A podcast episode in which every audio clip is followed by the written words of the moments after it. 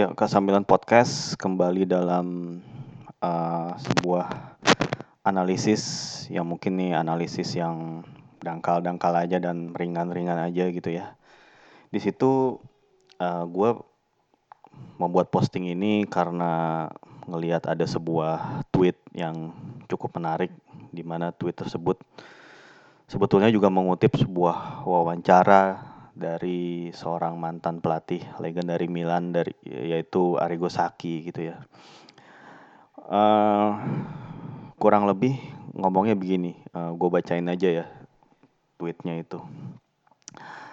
Uh, Saki spoke to TMW, nggak tahu TMW itu maksudnya uh, sebuah stasiun TV ataupun koran atau apa, gue gue nggak tahu. Hmm, Tuto Mercato Web kali ya mungkin ya. Uh, dia bilang gini, it seems to me that Pioli is working well now. He must be able to evolve. If he wants to play high level football, the focus can no longer be the opponents who take you where they want, but it must be the ball. Kurang lebih gini ya kalau gue artikan dengan kata-kata gue sendiri gitu. Jadi uh, Arrigo Sacchi itu memuji kurang lebih ya kinerja dari Stefano Pioli yang siapa sih yang nggak muji gitu kan. Tapi uh, untuk mencapai level selanjutnya, next levelnya yang diharapin oleh Saki adalah Pioli itu nggak uh, cuman kayak menunggu atau kayak bukan menunggu sih memfokuskan kepada bagaimana lawan bermain gitu atau dalam bahasa sehari-hari sepak bola itu pragmatis, being pragmatic gitu. Tapi uh, it's with the ball. Pokoknya Saki itu sampai emphasis atau emphasize atau meng apa ya menitik beratkan pada bagaimana attitude tim saat menguasai bola. Bagaimana cara tim bermain saat ber, uh, memegang bola gitu.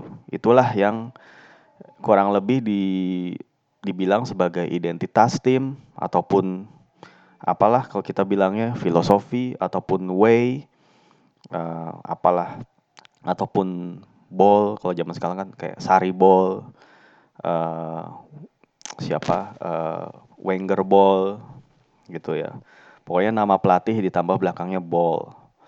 Terus uh, atau way kayak macam-macam lah uh, merujuk kepada filosofi ya, baik dari filosofi seorang pelatih itu sendiri maupun sebuah klub. Gitu. Kalau uh, bicara tentang preferensi pribadi, gue sebagai penonton sepak bola maupun penggemar klub, gue tentu lebih senang melihat tim yang bermain memang seperti itu, yang yang punya filosofi, punya cara. Gue sangat menikmati ketika Barcelona dilatih oleh Pep kayak gitu gue pengen tim yang gue dukung mainnya kayak gitu. Pengen banget jelas gitu. Ketika tim siapa pun lawannya gitu. Apa pun pertandingannya ya emang cara mainnya kayak gitu. Dan uh, itu adalah kayak sebuah impian lah gitu. Dan timnya Barcelonanya Pep itu juga terinspirasi oleh AC Milannya Saki waktu itu. Dan Saki emang mm, memang pelatih yang sangat-sangat punya filosofi dan uh, akan melakukan apa pun untuk bisa mewujudkan filosofinya itu gitu. Dan uh, ya butuh waktu dan butuh uang gitu.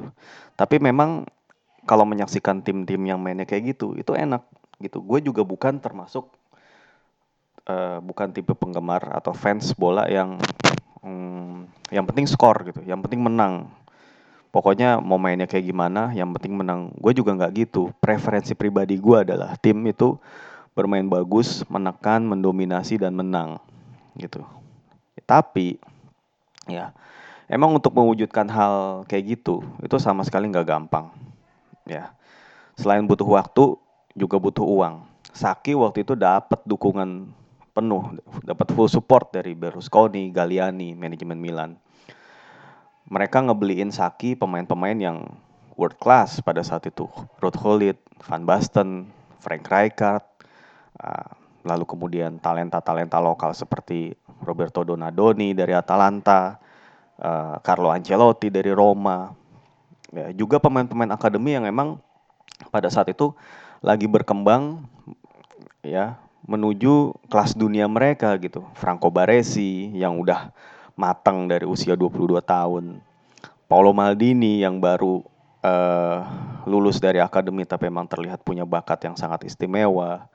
Billy Costa Curta, ya, Mauro Tassotti, gitu. Ya, emang sakit juga didukung oleh environment itu, gitu.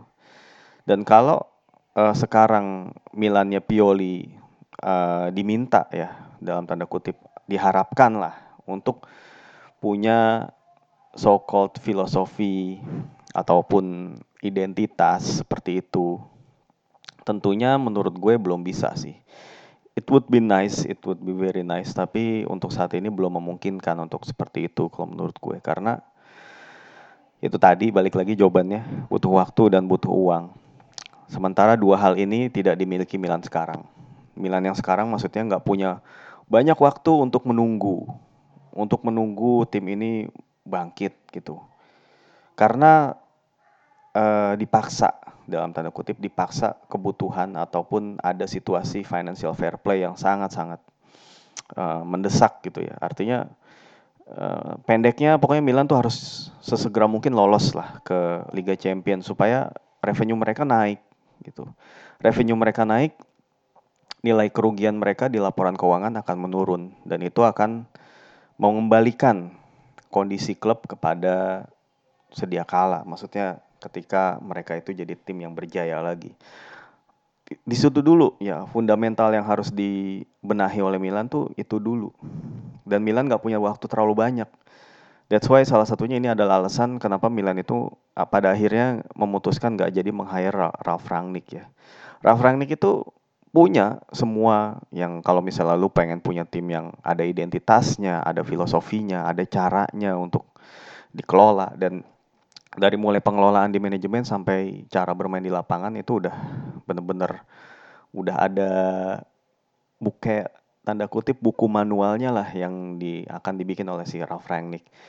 Cuman ya itu butuh waktu dan Milan nggak punya itu. Selain itu butuh uang, ya untuk uh, mewujudkan semua yang ada di kepala Rangnick yang uh, mewujudkan semua itu tentu butuh banyak uang dari mulai ngerombak jajaran manajemen, pelatih sampai membeli pemain-pemain yang emang dirasa cocok dengan filosofi itu. Dan Milan nggak bisa menyediakan itu. Milan ya karena melihat Pioli mampu menangani tim ini dengan baik gitu ya. Itu pada akhirnya opsi yang diambil adalah ya udah nggak usah melakukan perombakan besar. Kita berharap aja uh, dengan tambahan transfer-transfer uh, dengan low budget low budget transfer dan uh, lower salary policy ya ditambah dengan uh, permainan Pioli yang sudah mulai uh, bisa diimplementasikan oleh anak-anak asuhannya ya ditambah tim struktur tim yang juga sudah mulai membaik gitu. Ya ya udah go on aja gitu. Itu didasari seperti itu. Didasari penunjukan Pioli atau perpanjangan kontrak Pioli itu didasari pemikiran itu kalau menurut gue. Tapi kalau untuk uh, mengharapkan Pioli itu punya identitas, punya filosofi bermain yang seperti Saki bilang, rasanya itu nggak belum bisa sih menurut gue. Bukan berarti nggak bisa ya, belum bisa gitu. Kita nggak tahu apakah kalau Pioli diberikan segala kebebasan segala waktu dan kebeba apa keleluasaan dalam memilih pemain sesuai yang dia inginkan dia akan jadi pelatih seperti apa kita nggak tahu karena sepanjang track recordnya sendiri Pioli itu nggak pernah ngelatih klub besar ya pokoknya uh, selain Inter sih ya pernah ngelatih Inter tapi kan nggak lama gitu. Kan klub yang punya filosofi itu menurut gue ada dua macam entah itu klubnya klub emang klub besar banget yang emang berharap uh, emang punya ekspektasi selalu menang dan main bagus dan pemain-pemainnya harus pemain, pemain bintang misalnya. Itu kayak contohnya Real Madrid. Atau dulu Barcelona eranya si Laporta sebelum si Rosel dan Bartomeu itu kan punya filosofinya uh, mengedepankan ya permainan uh, juego disposition atau tiki taka dengan banyak mengandalkan pemain-pemain dari akademi ditambah pemain-pemain bintang sebagai tambahan gitu. Dua klub itu punya filosofi yang jelas kalau gue bilang Madrid dan Barcelona gitu. Klub besar yang punya filosofi yang jelas atau Bayern Munchen. Ya, secara permainan di lapangan sih Bayern Munchen nggak yang nggak yang se pokoknya pengennya begini begitu. Nggak pokoknya Bayern Munchen ya punya ciri khas pemain-pemain bintang juga. Pemain-pemain harganya mahal gajinya besar pemain-pemain bintang gitu. Terus tim seperti siapa lagi ya? Hmm, atau Juve lah. Nggak usah jauh-jauh dari Italia Juve. Juve itu juga punya punya filosofi yang pokoknya harus menang gitu harus menang. Scudetto itu udah wajib uh, mereka tuh punya spirit yang dikenal dengan Lo Spirito Juve. Itu udah melegenda gitu soal grinta soal ya itulah itu itu kalau dari sisi tim besar. Kalau dari sisi tim yang nggak terlalu ya menengah lah gitu bukan tim besar gitu. Itu ada tim seperti Atletic Bilbao. Mereka nggak punya tuntutan untuk selalu juara atau selalu bersaing dalam perebutan juara. Tapi filosofi mereka tuh udah paling udah jelas banget. Ya lu cuman boleh pakai pemain dari uh, Basque dari provinsi Basque gitu. Atau pemain yang lahir ataupun pemain yang keturunan situ gitu. Selain itu ya nggak boleh. Pokoknya lu manfaatin resource yang ada mau gaya main lu kayak gimana. Pokoknya ya harus pakai pemain yang ada gitu. Ini mungkin filosofi yang paling unik sekaligus yang paling real gitu ya. Paling konkret gitu. Nggak yang mengawang-awang. Pokoknya ya jelas. Sebelumnya Real Sociedad juga kan polisinya sama. Sebelum kemudian tahun 80-an mereka mencabut sendiri uh, filosofi itu setelah mendatangkan John Aldrich ya dari Liverpool, pemain asal Irlandia gitu uh, di luar itu nggak ada menurut setahu gue ya nggak ada tim yang filosofinya bener-bener tertanam. Pokoknya harus begini harus begitu. Paling ya kadang-kadang filosofi itu dinamis gitu ya. Maksudnya seiring misalnya pergantian pelatih gitu misalnya si ketika klub tersebut mendatangkan pelatih A gitu itu filosofi pengelolaannya bisa berubah itu bahkan Bilbao sendiri ya waktu zamannya dilatih Marcelo Bielsa itu kan cara mainnya juga beda gitu. Biasanya mereka tuh lebih lebih direct terus physical ketika uh, Bielsa datang mereka jadi possession base gitu. Itu kadang-kadang juga ada pengaruhnya, ada pengaruh dari kedatangan seorang pelatih dan uh, balik lagi ke soal uh, Stefano Pioli. Stefano Pioli itu bukan pelatih dengan ciri khas permainan yang seperti seperti halnya Bielsa punya ciri khas atau seperti halnya si Pep punya ciri khas atau seperti halnya si siapa ya pelatih yang punya ciri khas banget itu? Zeman lah. Zdenek Zeman waktu dulu. Ataupun pelatih kayak hmm, siapa lagi ya? Bahkan kayak Conte lah. Kayak Conte di Inter yang punya ciri khas dengan tiga backnya dia dengan position base-nya dia juga gitu. Pioli itu lebih ya kayak pelatih-pelatih Italia kebanyakan gitu yang pragmatis emang yang uh, apa namanya bener-bener yang Saki bilang ya ngelihat bagaimana lawan bermain dia menyesuaikan. Tapi pragmatisnya itu sendiri juga sebetulnya punya punya arti luas juga sih gitu. Nggak nggak lantas pragmatis itu berarti tim yang main bertahan tim yang menunggu gitu. Nggak juga gitu karena tim yang bermain menyerang pun ada juga yang pragmatis gitu. Contohnya Pep, uh, timnya Pep lah gitu. Uh, possession base itu bukan berarti Pep itu proaktif, itu juga bisa bentuk bisa jadi sebuah bentuk pragmatisme juga dengan menguasai bola ya tentunya nggak akan uh, apa lawan itu tentu akan lebih susah untuk membobol gawang ketika kita menguasai bola. Dengan sebanyak-banyak yang menguasai bola peluang lawan untuk mencetak gol ke gawang tim kita itu akan lebih kecil. Itu kan juga bentuk pragmatisme juga gitu. Jadi ya emang sepak bola itu olahraga yang sangat-sangat menurut gue nggak sama sekali nggak yang hitam putih gitu ya, nggak yang kalau pragmatis itu berarti bertahan, kalau proaktif itu berarti menyerang. Olahraga sepak bola itu memberikan ruang banyak sekali ruang untuk interpretasi gitu. Bahkan namanya kemenangan pun bukan udah apa? Ada istilah kayak kemenangan moral, kemenangan filosofi, kemenangan apalah itu juara tanpa mahkota. Di sepak bola tuh ada istilah-istilah kayak gitu dan dan yang mungkin di olahraga-olahraga lain itu tidak ada mungkin ya gitu ya kayak di American football kayaknya setahu gue nggak ada gitu pembahasan kayak filosofi kayak gimana sih filosofi tim ini kenapa bisa menang gitu atau di kayak olahraga yang balap-balapan kayak MotoGP, MotoGP atau F1 gitu.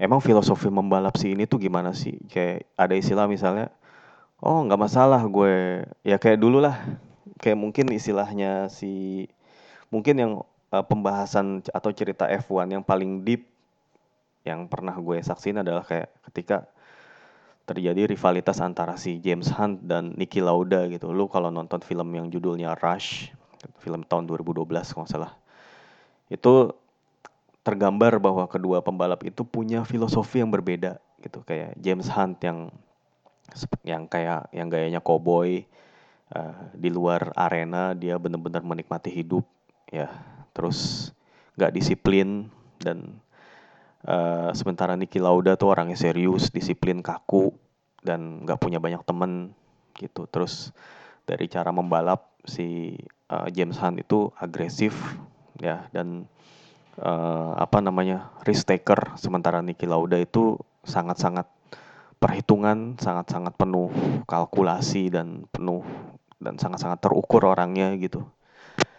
Dan uh, persaingan mereka itu benar-benar dibedah sampai ke sisi-sisi humanis seperti itu gitu. Tapi di sepak bola tuh banyak banget cerita-cerita kayak gitu ya. Karena sepak bola itu emang permainan yang sangat dinamis dan untuk membedah sebuah uh, hal itu banyak banget emang sudut pandang gitu. Jadi ya emang ya abstrak lah. Atau bisa dibilang kayak apa ya multi interpretasi banyak banget opini-opini gitu. Ya dan balik lagi ke Stefano Pioli tadi itu ya menurut gue Stefano Pioli belum bisa dibilang dia di, punya ruang gitu. Kalaupun misalnya Pioli tiba bukan tiba-tiba ya, ternyata Pioli itu punya kepa, uh, isi kepalanya tuh punya filosofi bermain yang contohnya yang proaktif yang yang nyerang gitulah, yang possession base tiba-tiba gitu.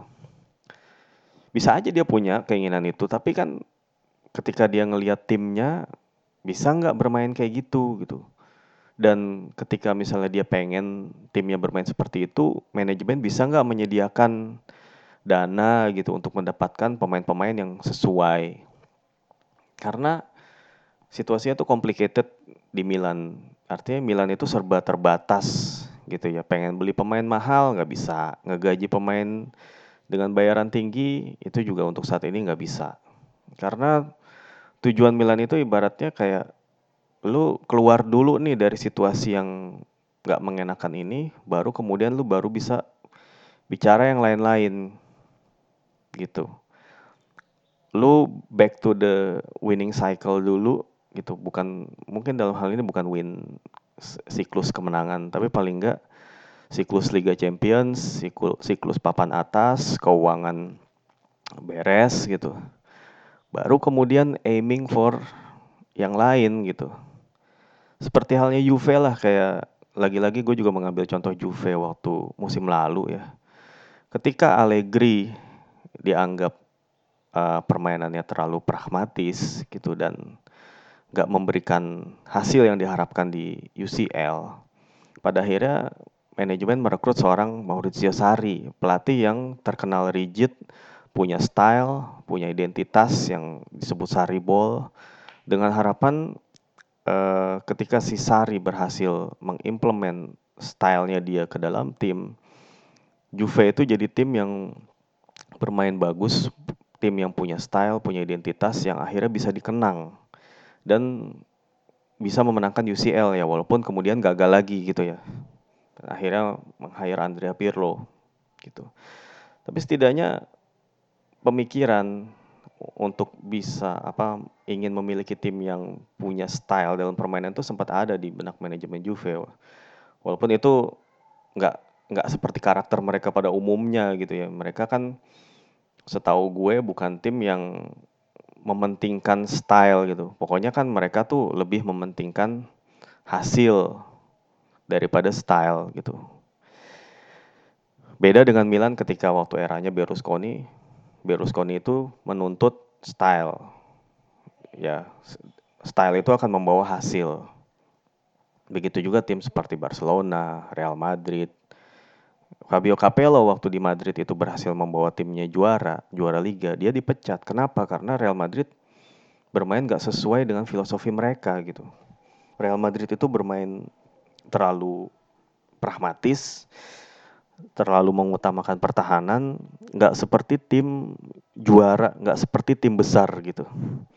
Emang kayak seperti udah ada standar, walaupun standar standar itu bukan standar yang baku ya ya bahwa tim superstar itu tim yang harus mendominasi, harus mainnya cantik, diisi pemain-pemain berkelas dunia dan menang. dan itu sama sekali bukan situasi yang mudah atau bisa dibentuk dengan gampang gitu, butuh waktu dan butuh uang gitu ya. Ya balik lagi juga, sorry bukan balik lagi kayak kalau misalnya disambungin dengan hmm, award waktu itu sempat ada award tahun 2019 50 pelatih terbaik versi majalah French French Football. Pelatih terbaik sepanjang masa ya di situ ada kenapa muncul nama Renus Michels di paling atas? Kenapa kemudian muncul orang-orang seperti Pep Guardiola terus uh, Johan Cruyff Valerio Lobanovsky Bill Shankly itu di 10 besar. Gitu. Kenapa bisa muncul nama-nama itu? Gitu. Itu nggak lain karena uh, style dan juga legacy dari orang-orang itu sangat-sangat besar gitu di dunia sepak bola. Rinus Michels gak memenangkan Piala Dunia. Gitu. Tapi sebagai ilustrasi peringkatnya dia di mata French football itu itu di atasnya seorang Vittorio Pozzo misalnya pelatih yang dua dua kali beruntun memenangkan Piala Dunia bersama Italia gitu. Karena Rinus Michels itu membawa sebuah style, membawa sebuah mewarisi sebuah gaya bermain yang disebut emang seperti sebuah utopia ataupun impian lah buat tim-tim sepak bola. Beginilah sepak bola harus dimainin gitu. Atau kalau disambungin dikit sama dunia musik, kayak lu ngelihat band Dream Theater lah bisa dibilang yang diisi oleh personil-personil yang sangat-sangat capable dalam mainin alat musiknya. Terus uh, kemampuan vokal jadi dari si James Labrie yang range-nya tuh sangat-sangat tinggi gitu. Akhirnya tapi juga mereka uh, bisa bikin lagu yang enak gitu. Soalnya ada juga kan band yang musiknya tuh jelimet gitu. Tapi lagunya tuh jadi nggak bisa dinikmatin di kuping gitu. Ya pokoknya gitulah emang sulit sih sebenarnya. Uh, kalau bicara filosofi seperti ini tuh sangat-sangat mengawang-awang sangat-sangat uh, apa namanya uh, sulit untuk dicari jawaban konkretnya kayak gitu. Tapi yang jelas ini bisa jadi bahan diskusi yang menarik dan emang nggak pernah usai kalau ngomongin soal filosofi bola gitu dan apakah sebuah tim itu memang perlu gitu untuk memiliki identitas seperti itu? Jawabannya ya iya dan tidak dan banyak banget faktornya sih kalau gue bilang.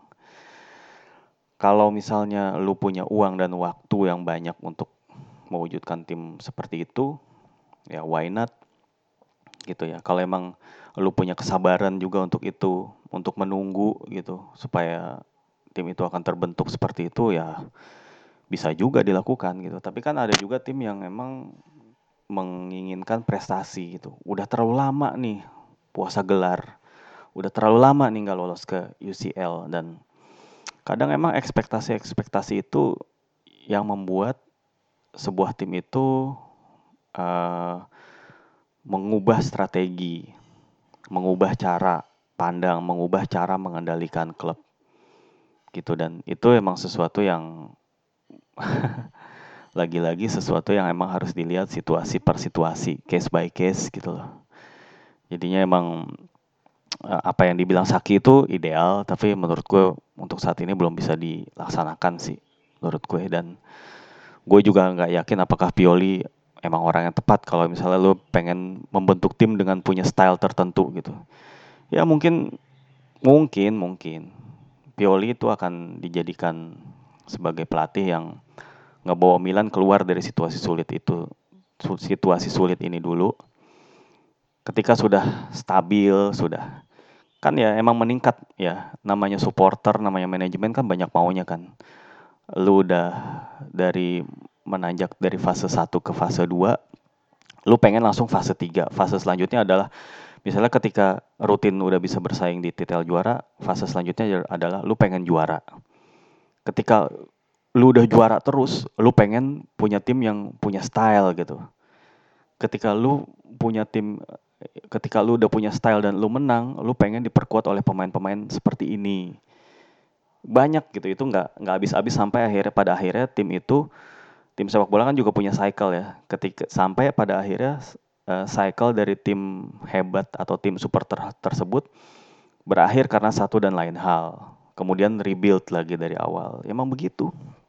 Begitulah perjalanan klub bola. Jadi uh, yang namanya klub yang udah lama klub yang punya reputasi besar pasti udah mengalami pasang surut seperti itu dan hmm, apa apa namanya tapi bagi Milan ya sepertinya emang uh, terlalu lama aja untuk bangkit gitu jadi uh, dulu itu punya tim yang sedemikian supernya sedemikian uh, memanjakan mata gitu tapi kemudian situasinya berada di, di titik nadir dalam beberapa tahun terakhir, bahkan dalam satu dekade seperti ini gitu. Ya ini pada akhirnya akhirnya ya setelah melakukan percobaan berbagai hal, akhirnya ya stick kepada pilihan yang sekarang. Ya kemudian ya dengan cara inilah akan bangkit gitu, hopefully. Oke deh, kurang lebih itu aja. Kalau diskusi kayak gini sih nggak ada nggak ada habisnya kalau gue bilang. Oke, uh, mohon maaf kalau ada salah-salah kata. Ya, uh, terima kasih udah dengerin Kesamilan Podcast. Ciao.